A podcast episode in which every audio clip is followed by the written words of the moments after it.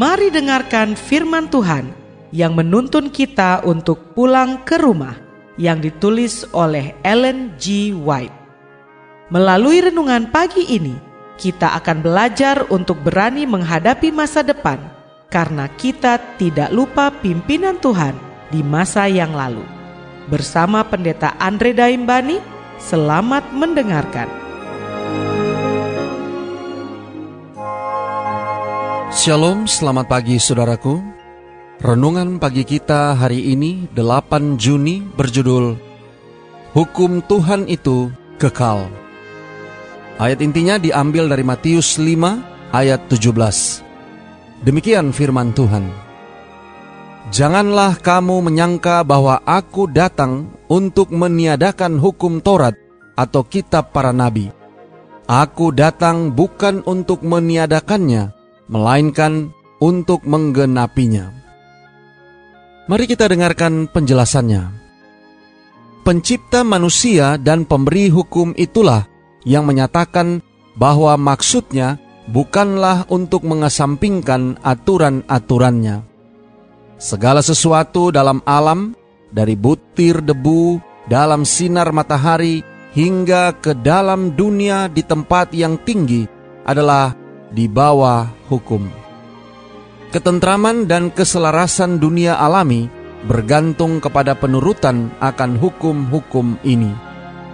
Jadi, di situ terdapat prinsip-prinsip kebenaran yang besar untuk mengendalikan kehidupan dari segala makhluk yang cerdas dan kesejahteraan alam semesta bergantung kepada persesuaian dengan prinsip-prinsip ini. Sebelum dunia ini diciptakan, hukum Allah sudah ada.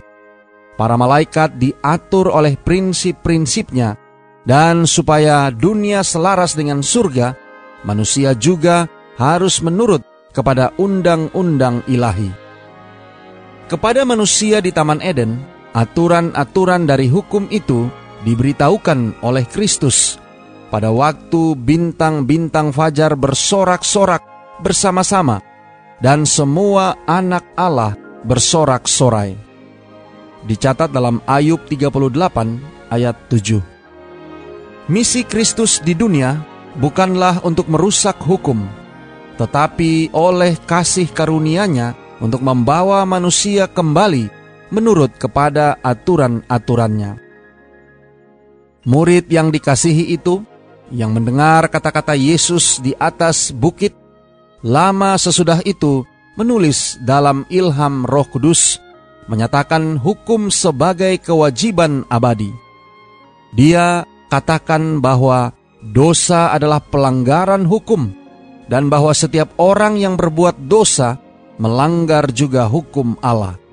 Dicatat dalam 1 Yohanes 3 ayat 4. Dia jelaskan bahwa hukum yang ia tunjukkan itu adalah perintah lama yang telah ada padamu dari mulanya.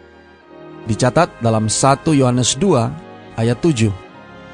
Dia menyatakan hukum yang ada pada waktu penciptaan dan diulangi di atas gunung Sinai.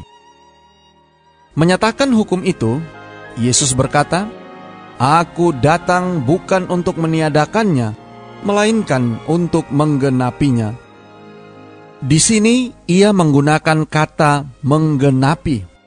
Dalam pengertian yang sama, ketika dia mengatakan maksudnya kepada Yohanes Pembaptis untuk menggenapkan seluruh kehendak Allah.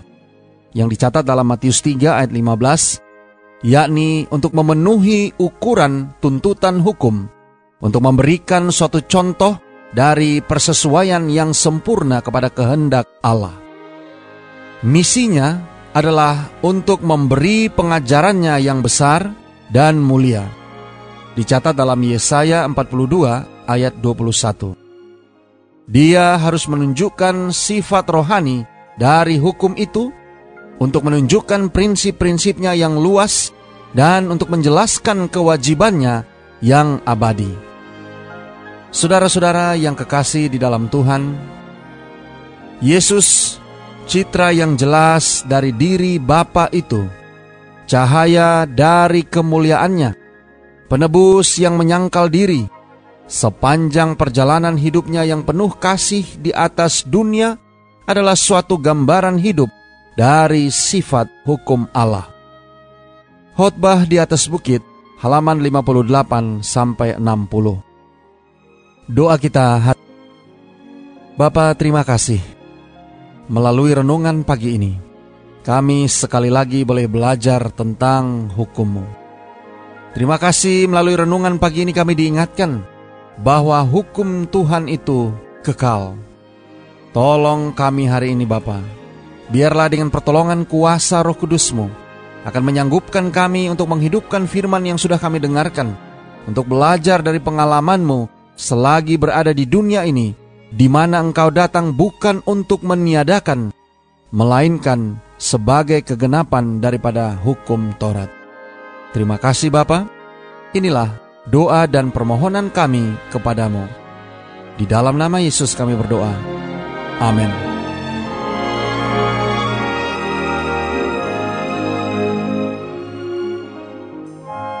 Demikianlah tadi pembahasan tentang pulang ke rumah. Semoga firman Tuhan hari ini dapat menjadi berkat bagi Anda. Sampai jumpa, Tuhan memberkati.